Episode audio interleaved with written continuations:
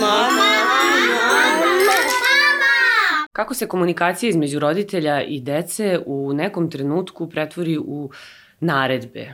Kako dođe do čestih rasprava, svađa, lupanja vratima, vike, dreke? Zašto ja sa mojom decom koja su u pubertetu ne mogu da pričam kao onda kad su bili mali, ja im kažem da nešto urade, oni me poslušaju, oni meni nešto kažu, ja sa njima sednem, razgovaram. Gde se sve to izgubi i zašto nemamo kontrolu nad, nad tim uh, delom našeg ponašanja i, i međusobnih odnosa ljudi koji se najviše vole, a to su mama, tata i, i deca. Um, o tome pričamo danas sa Draganom Aleksić, koja je family coach.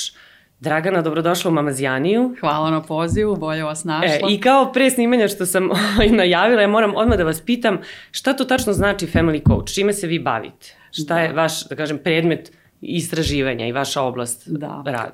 Coaching je jedna posebna i još uvek kod nas nova a, profesija, da tako kažem. To je posebna metodologija koja na prvom mestu služi za a, postavljanje ciljeva i postizanje ciljeva, ali i otkrivanje prepreka koje nam stoje ovaj, na putu do cilja. E, tražimo načine kako da ih prevazilazimo, te prepreke. Takođe, e, bitno je, evo baš kad je tema roditeljstvo da negde naglasim da svi mi kao roditelji imamo određene želje.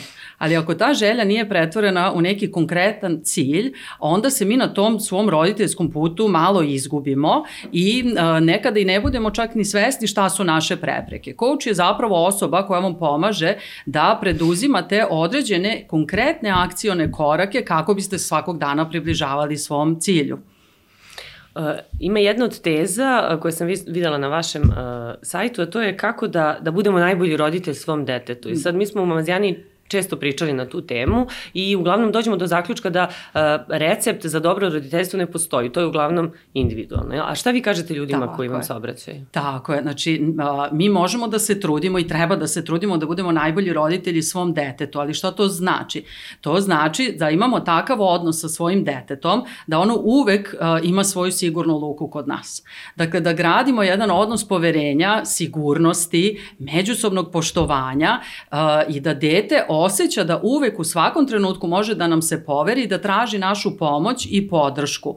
E, mi želimo da imamo takav odnos sa detetom da šta god da je ono uradilo, kako god da se osjeća, šta god da mu se dešava, zaista mi roditelji treba da budemo prve osobe kojima će se dete obratiti to je nešto čime se ja najviše zapravo bavim i to od malih a, nogu. Dakle, jako je važno da roditelji već od samog starta uče da prepoznaju a, i prate svoje dete, da prepoznaju njegove potrebe, na prvom mestu emocionalne, da ga podržavaju na putu razvoja, da mu budu ovo što kažem, prva osoba koja će dete pritrčati u zagrljaj, ne samo kada uh, se raduje i kada treba nešto da dobije, ako smo mu kupili igračku, nego i kada smo mu potrebni da mu rešimo, odnosno da mu budemo podrška uh, u rešavanju nekih možda težih situacija, problema koje dolaze ili sa pubertetom, uh, kada je postanu tinejdžeri i tako dalje i tako dalje.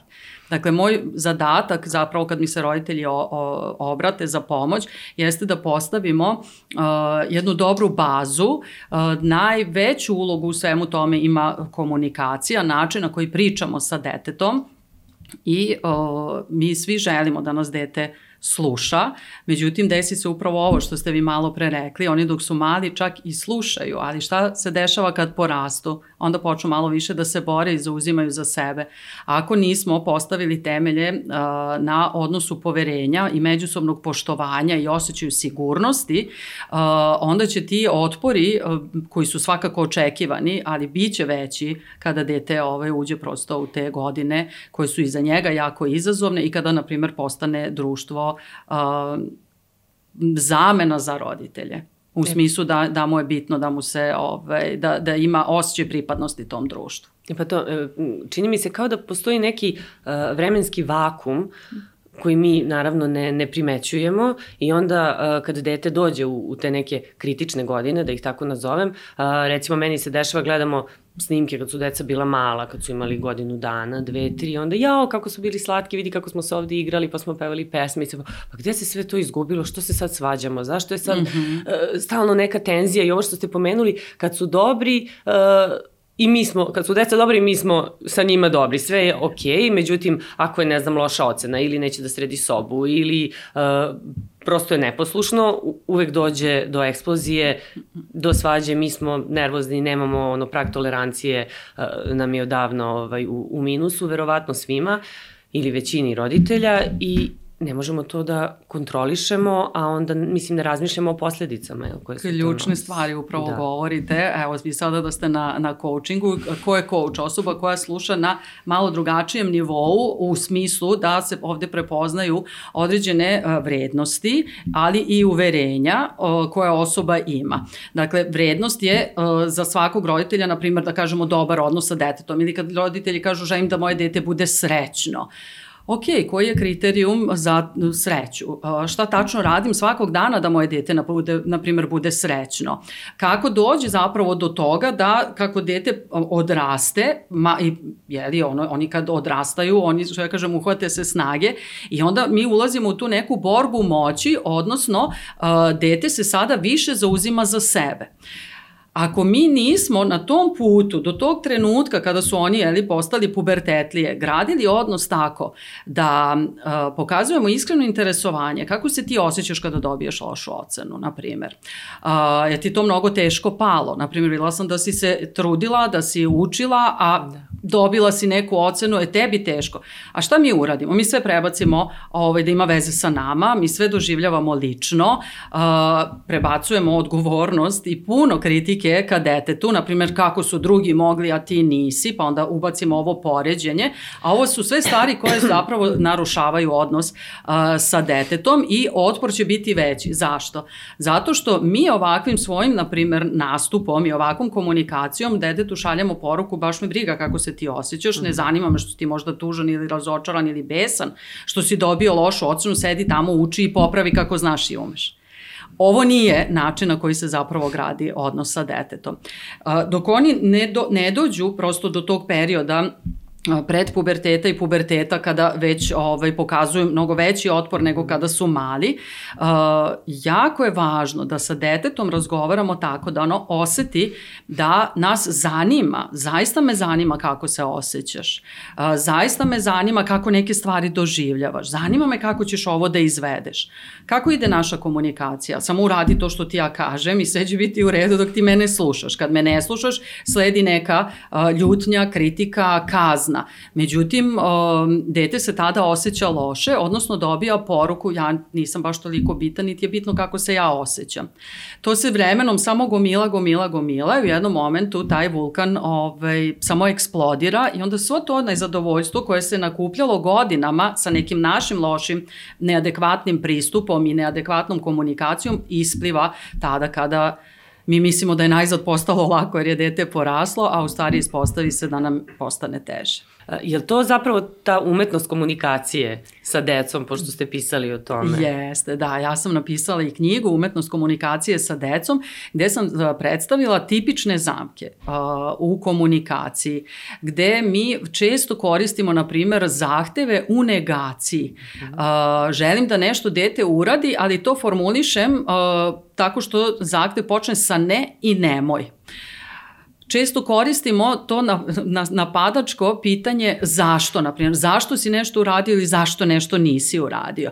Ali mala deca kod kojih e, se mozak tek razvija, koja tek prikupljaju razna iskustva, e, koja uče o svemu što se oko njih nalazi i uče o odnosu ne samo sa nama, nego i sa drugim osobama, sa malom decom, s bakama, dekama, učiteljicama, vaspitačicama. Dakle, to dete uh, je u procesu učenja, a mi ga stalno stavljamo u poziciju samo ti slušaj šta ti ja govorim. Ti moraš sve da slušaš i sve će biti u redu dok ti radiš onako kako ti ja kažem. I kada dete uradi nešto i mi ga napadnemo tim pitanjem zašto si to uradio, zašto nisi uradio, ono razvojno nema kapacitet da nam da odgovor na to pitanje, ali se uh, kod njega stvori jedan osjećaj nelagode, uh, uznemirenja unutrašnjeg i dete tada može da uđe, na primjer, u neku burnu reakciju. Može da uh, odreaguje burno, Zašto? Zato što ta uznemirenost, ako mi nastavimo insistiramo da ti meni po svaku cenu odgovoriš na to što te ja pitam, o, to uznemirenje samo raste u jednom momentu o, ta poslednja kap prelije čašu i onda imamo dete koje vrišti, baca se ili baca stvari uh, oko sebe i mi da, šta pomislimo? Je, jezive scene. Jesu, da, to je za roditelje nešto da. najizazovnije. Dakle, burno, burno ispoljavanje emocija i frustracija uh, su nešto što roditelje uznemirava, ali je to nešto zbog čega, kako da kažem, dete kroz to mora da prođe. To jeste deo um, odrastanja i direktno je povezano sa razvojem mozga, odnosno sa još uvek nedovoljno razvijenim kapacitetima da dete u tom trenutku ima samo kontrolu. Zašto je ovo važno? Uh, zašto, I zašto sam možete u knjizi pisala šta sve treba izbegavati? Upravo da bismo stvorili uslove da dete može lakše nas da razume i bolje da sarađuje.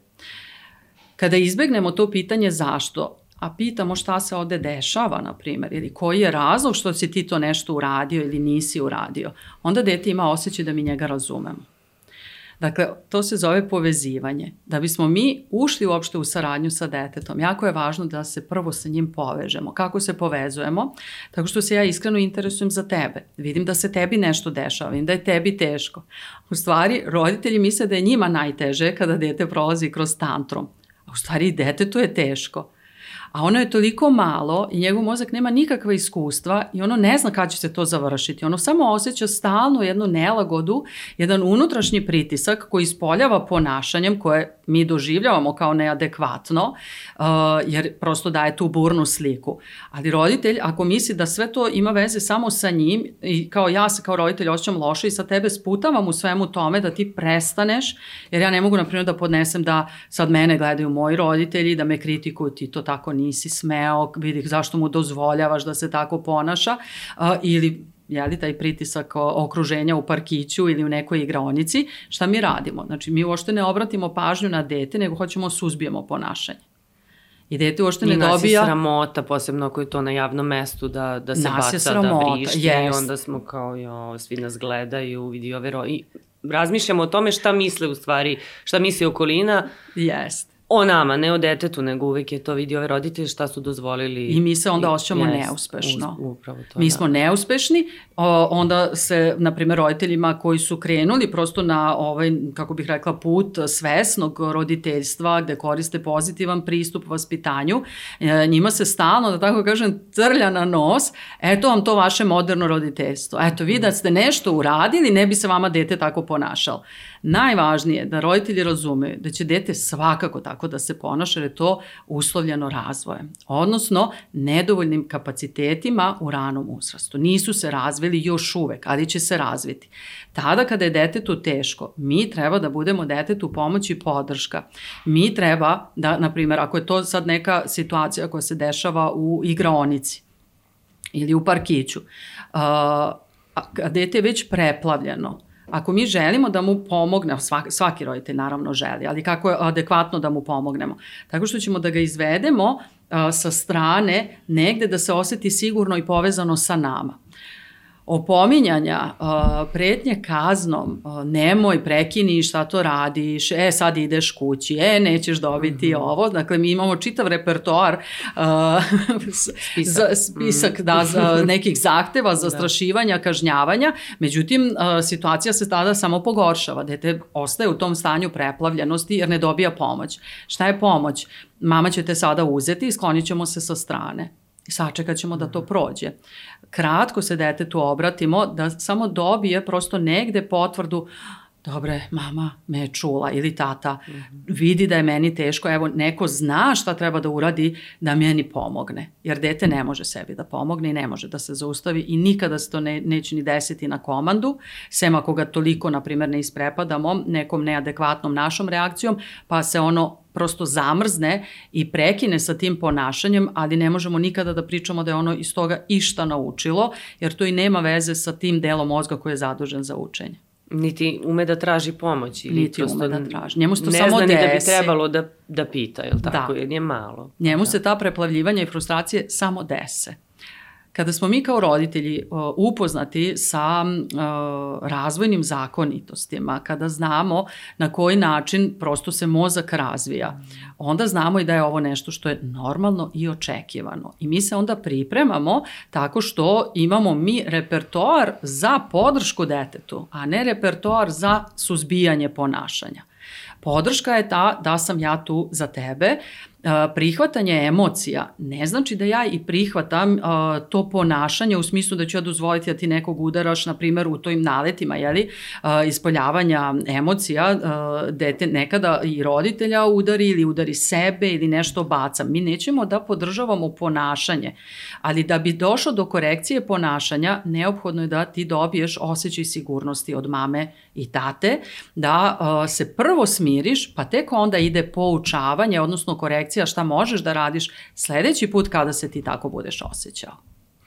Um, način obraćanja detetu je vrlo bitan i uh, negde ste apostrofirali to u ovim tekstovima koje sam čitala i jako mi se dopao deo um, gde uh, ta naredba pa zapravo to jeste naredba, prelazi u pitanje, ako sam ja dobro razumela. To je ono, na primer, uh, veži pertle ili pokaži mi kako ćeš sada da vežeš pertle. Mm -hmm. Idi radi domaći, ajde da vidimo kako ćeš ti da uradiš taj domaći ili to da mi pokažeš opet kako ćeš, mislim kako najlakše ili u koje vreme ili ajde organizuj se sami, bilo šta. Znači nešto gde mi prebacujemo ne odgovornost na dete, ali Tako. prosto negde stavljamo njega u tu glavnu ulogu činioca osobe koja će to nešto da uradi i treba da uradi, je tako? A ne sad mi smo tu glavni koji naređujemo da. šta treba da se radi i ono odmah se tu ovaj, oseti kao neki vojnik i dođe verovatno iz, iz tog razloga do,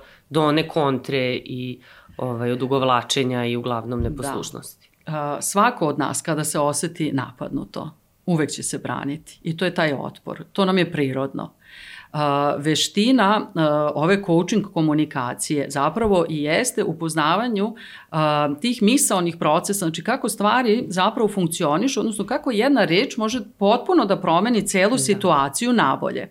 Uh, mi želimo da dete učimo. Znači, mi smo detetu uh, i primer kroz svoje jeli, ponašanje, šta želimo da on modeluje, kako da se ponaša, uh, kako da ume da kaže dobar dan, izvoli, izvini i tako dalje. Ako ja to ne radim, kolika je verovatnoća da će dete raditi. Dakle, mi s jedne strane smo taj model. A s druge strane, mi smo detetu i oslonac i podrška, dakle, taj stup sigurnosti.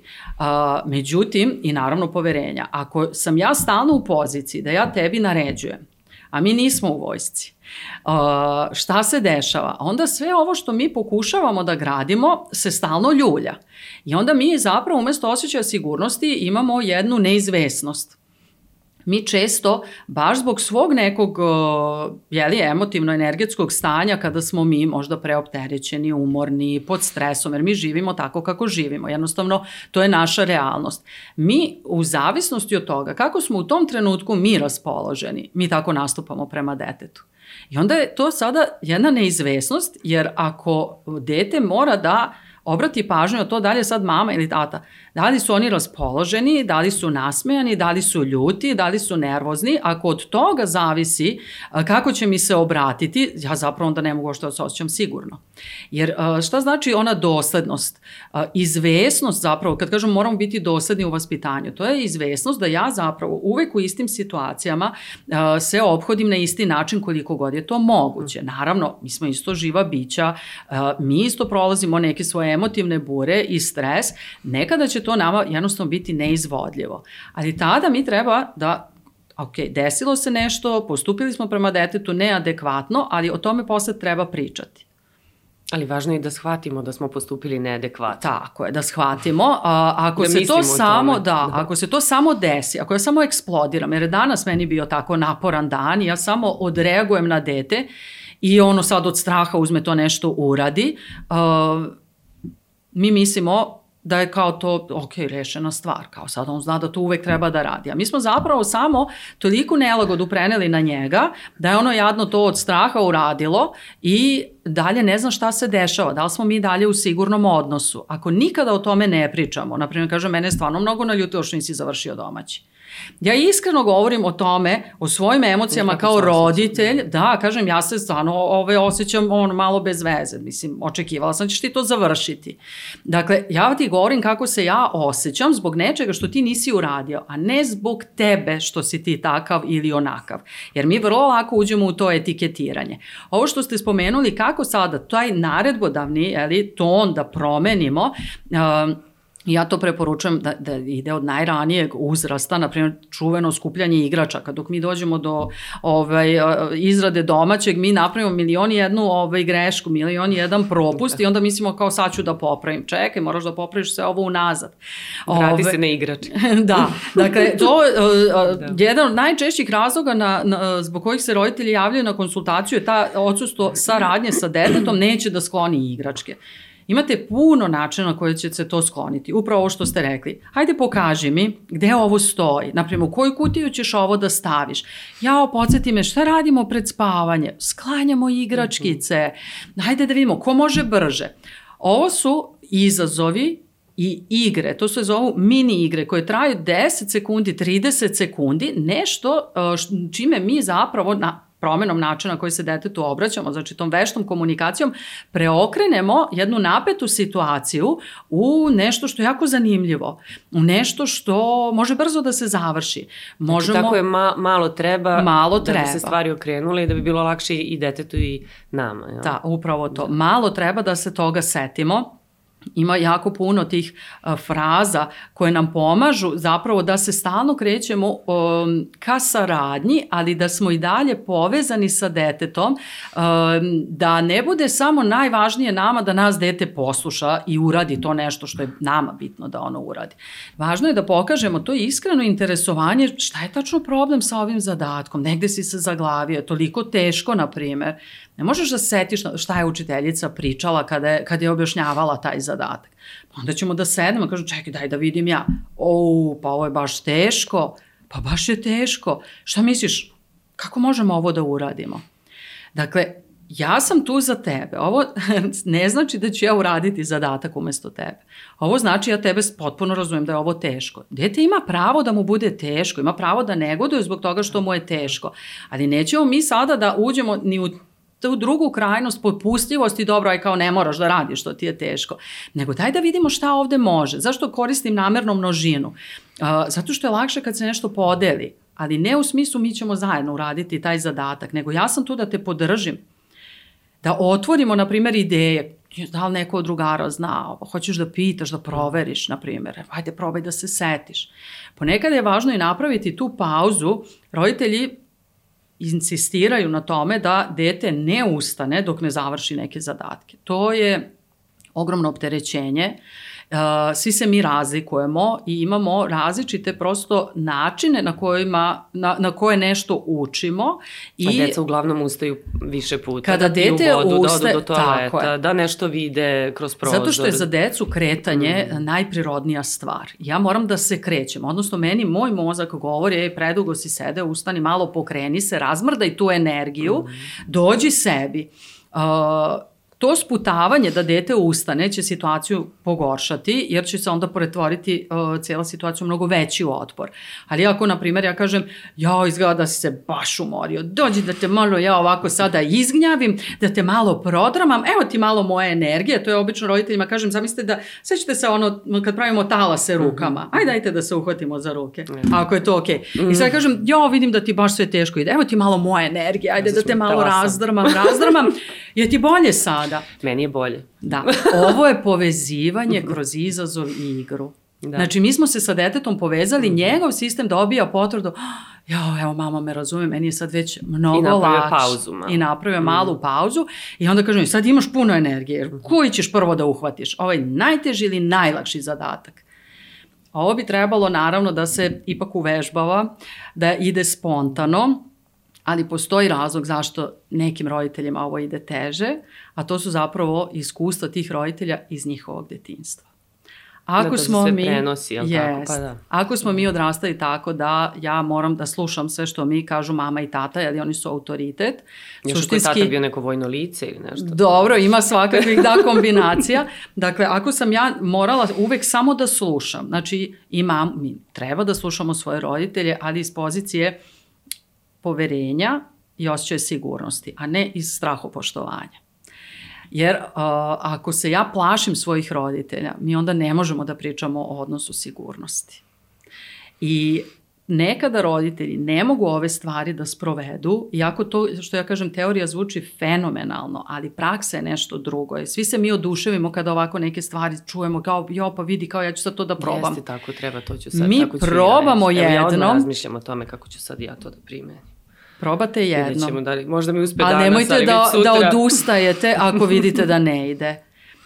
Kad ne ide, to ne znači da ste vi nešto uradili pogrešno, nego da je potrebno jako puno ponavljanja da se razbiju stari šabloni. Jer ako ste do sada sa decom komunicirali Da, to nekako ide na drugačiji, čini mi se. jest. Prosto smo navikli da ono, idi radi domaći, ostavi telefon, ne znam, to pokupi svoje stvari, skloni ove patike. Zašto ovo znači, nisi uradio, sve ide na kroz neku naredbu, da. Da. I sad zamislite da se vama neko, na primjer, na poslu obraća tako. Vi se ne, ne osjećate onda prijatno. I onda odradite to nešto zato što morate, a ne zato što želite. Mi smo jako odgovorni kada smo roditelji u smislu, odnosno velika je odgovornost na nama, zato što mi to dete treba zapravo da usposobimo za život. Ako mi njega naviknemo da ono radi određene stvari, samo kad dobija te spoljašnje poruke, komande, ono se neće snaći kada treba bude samostalno. I sećate se ono na početku kada sam rekla zašto je coaching važan. Koji je moj cilj roditeljski? Šta šta je moj cilj? Onda roditelji kažu želim da moje dete bude a, sigurno u sebe, samostalno i empatično. Sve. Sve. Dobro, šta ste danas uradili? Naprimer, uh, da se vaše dete osjeća sigurno u sebe. Ako ste mu ceo dan naređivali šta treba da radi, uh, kaznili ga, mm, rekli mu da se skloni, na primjer, u sobu, kako, kako će ono da bude sigurno u sebe? Prosto to tako ne može da se razvija. Empatija, ako ja ne pokažem da razumem da je tebi teško da skloniš te igračke, neće ni dete imati empatiju prema meni kada ja kažem mama mora sad malo da se odmori. To je sve uzajamno. Jeste. Svaka promena kreće uvek od nas roditelja, jer mi smo odrasle osobe i odgovornost je na nama. Dete ne može da preuzme odgovornost za nešto za što nema uh, razvojno kapacitete, nema potrebno iskustvo i zrelost. Da, tu je odnos nekad između mame i tate. Mm -hmm. Ako je odnos između nas je tako dobar i ako se mi međusobno uzajemno poštujemo i razgovaramo, nema, nema svađe, nema rasprave, nema naredbi, onda ovaj, negde po tom modelu će i oni da, da funkcionišu i da odrastaju jer to je nešto što, što vide, što se lepi za njih. Jel tako? Da, Nadam uvek se je da je dobro, tako, naravno, kad uvek da. je dobro imati ovaj dobar model, a mi moramo da budemo realni, da najviše zbog načina na koji mi živimo, a to je izloženost, prevelika izloženost stresu, to su roditelji 21. veka, um, mi nekada prosto imamo pomerene te granice i ulazimo brzo i lako u neke burne reakcije, u neke rasprave, posebno ako se, na primjer, ne uskladimo sada uh, sa partnerom u smislu roditeljskih ciljeva. I sad mi i, i mama i tata želimo najbolje moguće za naše dete, ali iz nekog razloga to ne umemo da sprovedemo ili jedan radi na jedan način, drugi na drugi. Um, ako postoji ta neka tenzija između roditelja, na primjer ljudi kažu mi se nikada pred detetom, na primjer, ne svađamo, mm -hmm. ali dete osjeća da, ako da, postoji ta napetost između nas. Sasvim je u redu reći tata i ja se oko nekih stvari ne slažemo i zato smo, na primjer, malo pre malo glasnije pričali ili smo vikali ili smo se posvađali. Nije ništa strašno da dete vidi da se dešava nešto između roditelja ako dobije kompletnu priču i završetak. Jeste da nešto smo se raspravljali, mama i ja, uh, ne, oko nečega se nismo složili, malo smo možda vikali, izvini ako si se uplašio, mm, ali sad smo se dogovorili, našli smo najbolje rešenje. Dete mora da dobije tu završnicu, dakle da ne ostane u tom uh, stanju, na primer, straha i brige šta se sad ovde dešava, ako su roditelji, na primjer, eksplozivno odreagovali jedno na drugo i sad situacija se završila, završila i nikom ništa. A najčešće je ono, ne mešaj se, nije tvoj problem, idi u sobu, zatvori vrata. Da, da, da i dete ostaje u obavimo nekom stanju, na primjer, brige i straha šta se ovde desilo, nema kompletnu priču. Bitno je da dobije taj završetak, da, da kažemo da, mislim, nekada se odrasli ljudi posvađaju, svađaju se i deca međusobno, jer kako ćemo mi da naučimo dete da se snađe, na primjer, u nekim konfliktnim situacijama? Ono mora da čuje da jeste došlo do nekog problema, ali smo se mi potrudili da taj problem rešimo, na primjer. I mi smo se sada sve dogovorili, izvini ako smo te uplašili, izvini što smo vikali, ali jednostavno je to bilo tako. Dakle, ta fraza se zove reci ono što jeste. Mislim, za roditelje. Roditelji, reci ono što Da, jeste. Da, da. da. ja se sada osjećam tako i tako, uh, ali verujem da se i ti neka, jer pa isto, mi sada obraćamo pažnju na to kako se dete osjeća zbog nečega čemu je svedočilo, a to je, na primjer, rasprava između roditelja. Možda si se uplašio, možda si tužan, možda se brineš. Deca, se, deca uglavnom misle da sve to ima veze sa njima. I zato je važno da postoji za, završetak ove Ja, priče. mi smo imali situaciju, ja sam nešto uh, učila sa, sa sinom i nije baš dobio najbolju ocenu i onda je došao moj muž pa je rekao, a evo, ti si učila sa njim, vidiš kako je prošao, onda ja kažem, ok, evo sad ti uči sa njim, ima, Bogu hvala, još kontrolnih testova pismenih, pa da vidimo kako će da se pokažete i tu smo se mi malo raspravili i onda ja razmišljam kako je sad njemu, pošto mm -hmm. on čuje našu raspravu, ali u, u centru te rasprave je on i njegova ocena i učenje. Naravno, treba da uči sam i uglavnom i uči sam, ali eto, desilo se sad kao i nešto sam ga ja tu ispitivala. To nije baš, naj, mislim, nije se najbolje završilo, nije ni važno, mislim, bit će još ocena, bit će ispitivanja, popravljanja i tako dalje, ali ovaj, stvari u tome da negde uh, smo mi napravili problem njemu, a ne nama, je li tako? Zato što ćete, je da, on to osetio, rešiti. tu je, Tako osetio se je. kao krivac, a zapravo nije, Tako je. nije ništa kriv. Mislim. Bitno je da se detetu pojasni da smo mi reagovali zbog toga što je možda tata bio na, nervozan ili imao veća Da, očekivanja, da. šta god, da dete nije krivo, da nije dete kao takvo krivo. Uh, pogotovo sad to što ima veze sa domaćim, jer šta se onda, tu se pravi jedna pogrešna šema kod deteta, na primjer ja ću sada da uh, učim i radim sve samo da se mama i tata ne bi svađali. Ali mama i tata će da se opet posvađati. želje. Jeste, ali šta kad se mama i tata posvađaju? Onda je to što sad ja nešto što sam radio nije bilo dovoljno. I onda dete ulazi uh, u jedan jako veliki unutrašnji pritisak gde misli da je on odgovoran za odnos svojih roditelja što ne želimo da se dešava. Dakle, važno je sve pojasniti detetu, nisu oni, pogotovo u tom nekom uzrastu kad su već školarci, nisu oni toliko, mm, kako bih rekla, lomljivi, znači oni jesu emotivno osetljivi, ali mi sve vreme, dakle od kako se dete rodi, radimo na, na emocionalnoj stabilnosti, tako što pričamo sa detetom, pitamo ga kako se osjeća, pričamo o tome kako se mi osjećamo, da bi smo, kad se dese ovakve situacije, došli do toga da dete ipak ima neku otpornost u smislu da razume da su se mama i tata posveđali zbog nečega što ima veze sa njima, a ne sa mnom to je negde važno i pojasniti i, i razumeti, da mi razumemo ovaj, kako naše te neke poruke utiču na dete. A koji su najčešći problemi koje vam roditelji iznosi? Koliko su uopšte ljudi spremni da, da se obrate za pomoć u, u ovom smislu? Kako, Žele. meni u stvari, ja razmišljam kako postajemo svesni da imamo problem u komunikaciji toliki da, da nam treba savet i stručna pomoć na neki način. Da. A, uglavnom, kada se suoče sa nesaradnjom, a, to što oni zovu neposlušnošću deteta, koja je i dalje razvojno uslovljena. Znači, nema nikakve veze s tim da su oni napravili neki, neki veliki problem ili neki propust, šta god. Svakako bi do toga došlo, jer dete ne može da se ponaša zrelije nego što se u tom, nego što je u tom trenutku stigo do, do tog nivoa razvoja. Dakle, ja- jave se uglavnom zato što se uplaše uh, zašto dete ne sluša, uh, ne znaju, na primjer, kako da postave granice, ali ne samo u odnosu na dete, nego i na odnosu, uh, nego i u odnosu na okruženje. A to su bake, deke, savetodavci, uh, poznati i nepoznati ljudi koji govore Mudraci nemoj tako, da, uradi da, da. ovako. Dakle, javljaju se zbog um, trenutne nesaradnje deteta, zbog uh, možda nekih svojih burnih reakcija ka detetu. Mhm. To je uvek znak da treba da porade uh, na sebi, uh, jer ako, na primer, uh, ulaze u burno reagovanje samo zato što je dete, na primer, uh, nije odmah uradilo nešto, to nema nikakve onda veze s detetom, nego ima veze sa, sa tim roditeljem.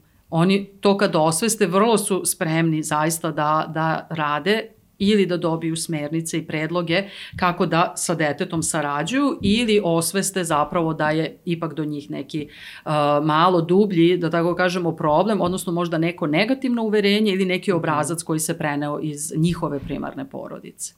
A ima li pomoći uh, posledicama koje izazove ta burna reakcija, koja je baš burna toliko da uzdrma roditelja, opet ostavlja neke tragove kod deteta? Bilo bi dobro da Mislim, je to... Može li nekako to da se izbriše, da nešto uradimo i, i da uvek... učinimo kao da se to nije desilo? Ne.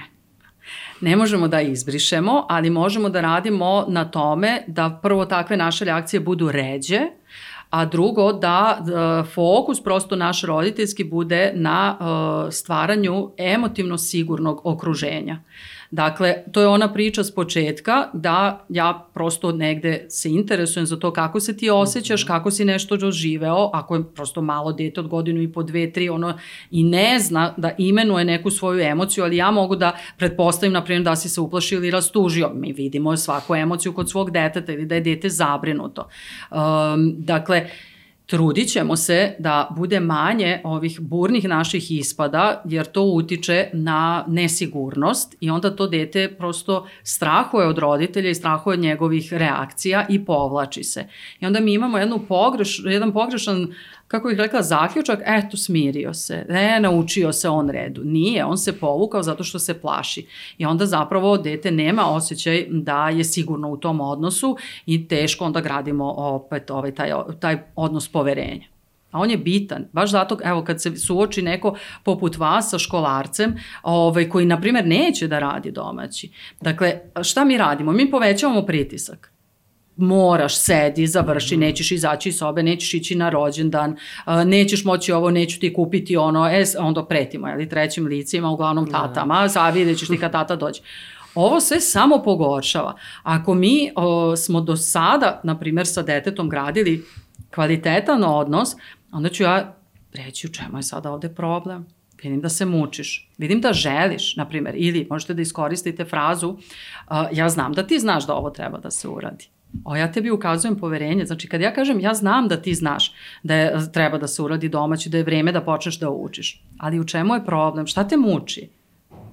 Mi smo se sada povezali i dete sad može da odahne, odnosno taj pritisak u njemu popušta ili će nešto reći, možda neće hteti da priča, mi nećemo da navaljujemo, ali to se zove o, ostaviti otvorena vrata. Ti kad budiš spreman, dođi pa ćemo razgovarati, pa naći ćemo neko rešenje za to.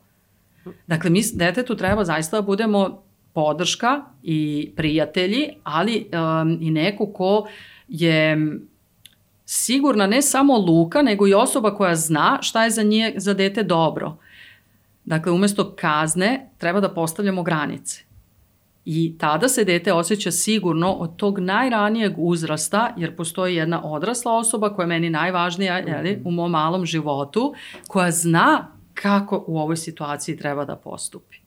Ne očekuje se od mene ništa, nego ta osoba zna, mama, tata, kako meni može u ovom trenutku da pomogne i onda se ja osjećam sigurno.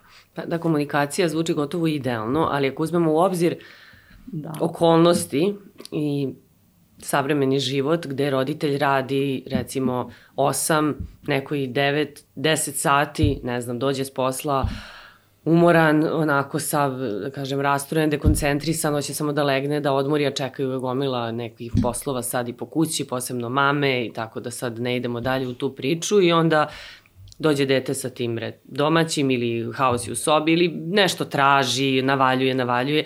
Kako sad mi da se dovedemo u tu situaciju da se smirimo, da sednemo i da sa njim komuniciramo ovako kako ste da. naveli, a ako nam nije ni do čega, znači samo bismo da ugasimo i telefon i televiziju i da pozatvaramo prozor i da legnemo da odspavamo dva sata. Prvi korak je da budemo iskreni prema sebi da ja kažem, ok, osjećam se sada i onda kažete sebi kako se osjećate. Znači, teško mi je, grozno mi je, frustrirana sam, pod stresom sam.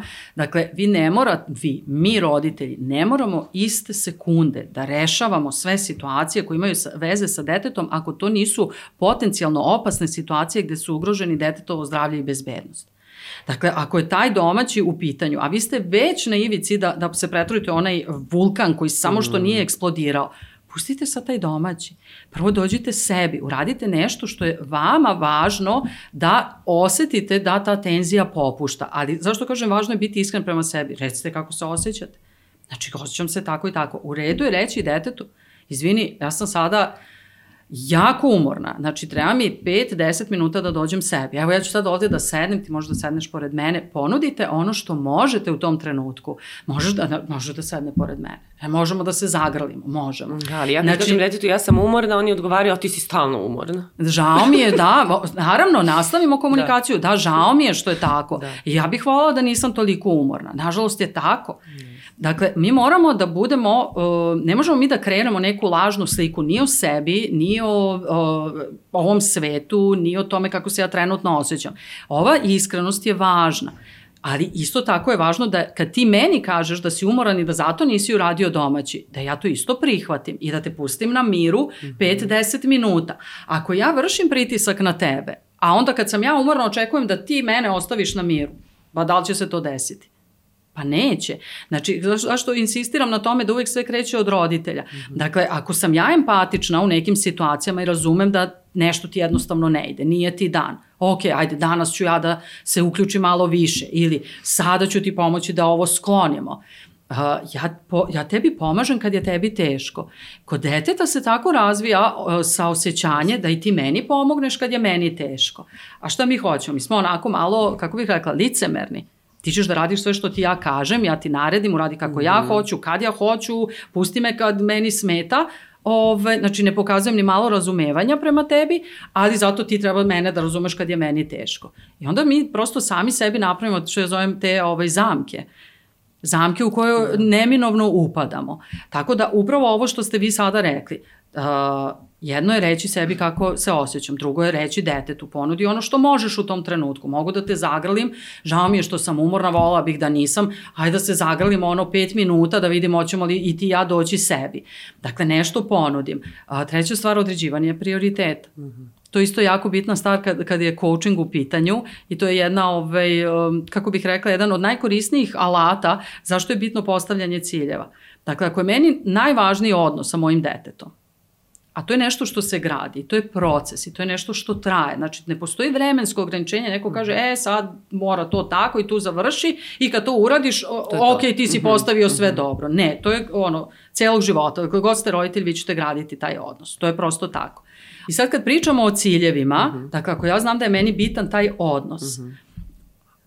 ja ću onda prioritet dati odnosu, a ne sudovima i vešu. Ako ja uzmem sve drugo da obavim, onda meni nije zaista prioritet taj odnos. Onda ga ja negde stavljam po strani. Dakle, određivanje toga šta mene vodi ka cilju je ono što treba ja da radimo. Ja postavim prioritete da budem sa decom, da se Dobro. njima pričam, da se zagrlimo, da se družimo. A, I onda se sav ovaj drugi posao samo gomila i gomila i gomila. I onda ja imam negde tu ptičicu koja kaže Ana, gomila ti se veš, sudovi, haos, požuri, idi rešavaj ovo što je bitno, kao da je to sad važnije, iako ja znam da nije važnije, ali to će da me sačeka pre ili kasnije da. i na, mislim da tako razmišlja većina mama. Svi tako razmišljamo, apsolutno, svi tako razmišljamo, kao što ste rekli, I to da će to uspe možda jednom, dva put da, da ti prioriteti ovaj budu istarani do kraja, ali te, teško je održivo to. Ovako, Činjenica. postoji nešto što se zove model uh, života koji mi kreiramo. I onda kad se odrede prioriteti, onda sve funkcioniše u svrhu tog modela. Ako ja mislim da ja to treba da uradim dva ili tri puta nedeljno, na primer, uh mhm. -huh. onda to nije model. Onda to i dalje ide isključivo ka smeru da ja uh, dobijam od deteta ono što očekujem, a to je poslušnost. Ja znam da ovo sad jako čudno zvuči i sigurno će mnoge o, roditelje ovo pogoditi. Postoji način da se neke stvari delegiraju. Postoje, na primjer, dogovori kad šta ko može da uradi. Mhm. Postoji nešto što se zove saradnja sa partnerom. Ako mi i sa partnerom, uh, znači ocem naše dece, gradimo takav odnos da je sve na meni, onda mi i taj odnos moramo da preispitamo. I na, na tome isto treba i može da se radi. Um, ako mi sebi stvaramo taj unutrašnji pritisak, teško ćemo onda moći da, da radimo ovo što ste, što ste opisali, da budem tu za dete. Takođe, mi i decu možemo da uključimo u te stvari. Možemo. Dakle, ono što dete može da uradi, hajde da vidimo, možemo nekako da se rasporedimo, daj da rasporedimo snage pa da imamo malo više vremena za nas. Dakle, ovo je isto to neka saradnja, da ima neko yes. svoje zaduženje i u redu je da deca od malena imaju neke stvari koje ovaj rade, ali to ne treba da im se, m, to ne treba ishitreno tako da tražim kad ja ostim da sam već frustrirana i kao, a, vidim tamo neki haos i čeka me veš, kao aj sad uzmi sredi. Ovo nije model učenja, da. ovo ja reagujem impulsivno jer sam u trenutku osetila frustraciju.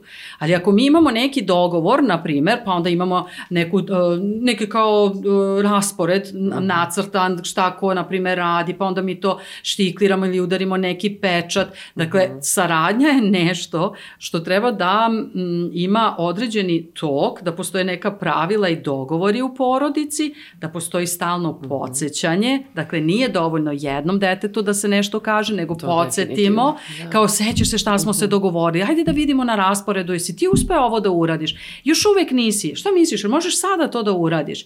Dakle, stalno, Možda da stavljamo to i cvetiće, da zvezdice. Možemo da stavljamo šta god. Ocenjujem. I da, se, da sarađujemo sa detetom, da. možemo da ga pitamo. Hoćeš ti da udariš sam pečat, hoćeš yes. ti sam da više voliš cvetić ili srce, sad dete neka nešto izabere. I može ono nama da stavi cvetić ako ili cvetić. Radi. U redu je i da dete ima mm -hmm. tako iskustvo sa nama da mi nešto nismo uradili. Mi ne treba detetu da se predstavljamo u nekom savršenom svetlu, kao sad ja sve mogu, sve mi ide lako, sve, sve mi ide da. od ruke. To je neizvodljivo i to isto stvara taj unutrašnji pritisak. Zapravo mi možemo da, možemo i desit će nam se nešto nisam uradila. Ali je u redu da ja kažem da nisam to uradila, bilo je u planu, ali tokom je bilo teško i sad potpuno razumem kad ti nešto ne uradiš, da, i te, da ti u stvari to ne uradiš zato što je tebi bilo teško. Ovo je stalno povezivanje i komunikacija sa detetom bi trebalo da bude ovakva. To je nešto što se uči. Rijetko ko se rodi kome je ovo prirodno i spontano, ali ima takvih ljudi i prisetite se samo, evo i gledaoci mogu da se prisete, svako od nas u porodici ima jednu osobu sa kojom dete fenomenalno sarađuje. Zato što ga ta osoba vidi i prihvata tako kako ono jeste u tom trenutnom razvojnom jeli, trenutku, yeah. kako god da je, na primjer, da li je isfrustrirano, da li je tužno, da li je besno, šta god, kako god dete da se osjeća, na primjer, i ponaša, ta osoba ima jako puno razumevanja i saosećanja i zaista vidi dete onako kako ono jeste i prihvata ga. I to su ljudi koji, na primjer, često uh, imaju taj neki razigrani pristup, mm -hmm. razigrani glas, koji, uh, gdje deca jedva čekaju, na primjer, da vide te osobe. E, to su ljudi koji su prirodno prosto ovaj, rođenjem dobili taj, taj dar da spontano, imaju spontanu komunikaciju koja zapravo je zasnovana na poštovanju i na razumevanju. Dragana, stigli smo do kraja. Ili imate još nešto? Imala bih da mnogo poručite, toga. pa nešto ako ima još da izvojite, nešto sitno na brzinu. Toliko toga ste nam već ovaj, rekli i, i dali ste stvarno divne i praktične savete, ali evo da... Pa evo, da, nešto oko čega se najviše ovaj, lome koplja uh, jeste zapravo ta, taj govor u negaciji koji sam ja spomenula, gde mi određene zahteve počinjemo sa ne i nemoj mm -hmm. i onda očekujemo da dete zaista to nešto uradi, a on uradi potpuno suprotno. U pitanju je zapravo način na koji mozak uh, doživljava uh, negaciju, odnosno ne može da razume radnju koja je predstavljena uh, suprotno od onoga kako treba da se izvede izvede. Naprimer, ako ja kažem nemoj sada da diraš ovu čašu i dete krene odmah rukom. Zašto? Zato što mozak prvo mora da zamisli da diranje te čaše pa da anulira tu radnju. Mhm. Kada je dete malo, taj proces traje duže od ovog pokreta. I onda se mi stalno suočavamo s tim da dete uporno radi nešto što ja kažem da ne radiš. Zapravo, mi možemo drugačije i treba drugačije da formulišemo. Naprimjer, ova čaša stoji sada na stolu. Ova čaša ostaje tu Dakle, nisam nikakvu negaciju dala, samo sam potvrdila ona sad te treba da, da ostane. Do znanja, da. da. Gde šta, gde je čije mesto. Tako je, ali da. potrebno je da bude puno ponavljanja i puno podsjećanja. Zašto? Zato što mozak uči kako da uči, odnosno uči šta mhm. ću ja da zapamtim i šta će otići u ovu dugoročnu memoriju. Tako da o, ta neka, što kažu roditelji, sto puta sam rekao, pa moram još, mora još hiljadu puta, malo se ja šalim. Ove, bitno je, zašto? Ako mi uvek u istim situacijama na isti način uh, ponovimo neki zahtev, ali u prijatnim uslovima, ne da ja vičem, da te kažem, da se ljutim, nego se mi osjećamo prijatno. Ja imam jedan korektan odnos prema tebi, ja tebe mhm. uvažavam, prihvatam.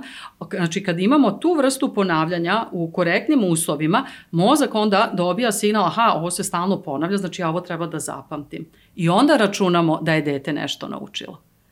Tako da Ima puno, upravo što ste rekli, puno još stvari koje bismo Ima, mogli da, da pričamo, ali to bi trajalo ceo dan. To je kao bunar bez dna. Da, da. tako da eto, mogu vaši gledalci ako žele da malo čitaju na mom sajtu uh, tekstove koje ste i vi ispregledali, možda nađu nešto što je njima zanimljivo.